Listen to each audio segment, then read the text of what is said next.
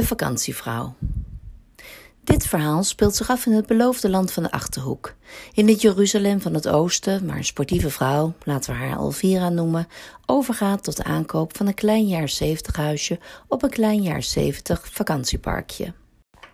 De droom van menigeen. Maar van Elvira? Die gedijt toch helemaal niet op zoveel vaste grond?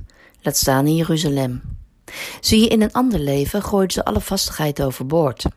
Dag baan, Dag huis. Hallo wereld, hier ben ik, jullie reisleidster. Mooiste beroep ooit voor wie van onderbetaalde onzekerheid houdt. Stoer wijf hoor, die Elvira. Rent de Himalaya op en af zoals jij en ik de vluchtheuvel nemen.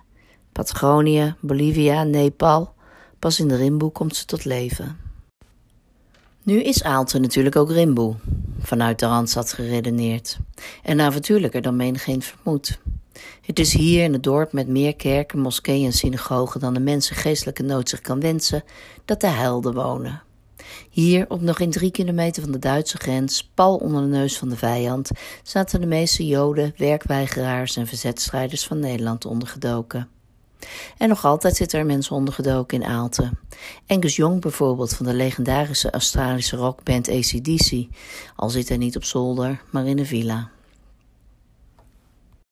Dit verhaal begint echter niet in Aalten, maar in Patagonië, waar een stoere reisleider een pad gaat lopen om er een boek over te schrijven. Of wacht, misschien moeten we nog iets verder terug in de tijd. Naar de Annapurna in de Nepalese Himalaya, waar we ook de dromen van de Kapal tegenkwamen. De plek voor inspiratie. Alleen vindt onze hoofdpersoon er tijdens haar vakantie geen inspiratie, maar een man. Ze neemt de reisleider als souvenir mee naar huis. En de reisleider en de reisleidster leven nog lang en gelukkig, soms samen en soms continenten van elkaar verwijderd. Het is kerst 2019 als de reisleider naar Patagonië vertrekt om er te lopen en er een gids over te schrijven. Dan slaat het noodlot toe. De stoere reisleider wordt getroffen door een hartinfarct. Elvira realiseert zich dat haar geliefde voorlopig niet meer afreist. Nauwelijks bekomen van de schrik slaat corona toe en ineens zijn ze alle twee thuis. Twee mensen die de wereld afschuimden, samen op één bank. En wat moet je dan als vrouw die altijd tien ballen in de lucht houdt, liefst elf? Zo overweegt een vakantiewoning te kopen, een opknappertje, als klusproject, want een mens gevangen in Nederland moet nu eenmaal wat.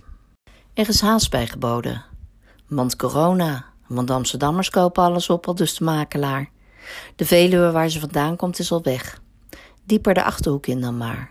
Maar jongen, jongen, wat is die vakantiewoningenmarkt een ellende. Het lijken wel parkeerplaatsen zo dicht staan de staakervens op elkaar. Soms arriveert ze voor een afspraak en maakt ze op de parkeerplaats al rechtsomkeer. Dit voelt niet goed. En dan op een dag Aalte. Een liefelijk jaren zeventig park, een vijver met dobberende eenden, rietkragen en een verbod op gamma-schuttingen. Want als ze één tip mag geven, lees contracten van de vakantiewoning. En in dit contract stond heel duidelijk: hier komt geen Europark. Hier komt geen hond, want die is dan ook verboden. Hier zit je tussen de gierende boeren. Wen er maar aan, want die boeren moeten werken, ook op zondag. En wie daar niet tegen kan, die blijft maar weg. En ze doet meteen een bod, want ja, die Amsterdammers.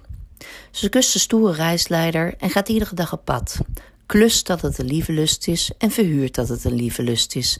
Want bungalowpark Schepersveld heet inmiddels Scheidingsveld. Want ja, corona.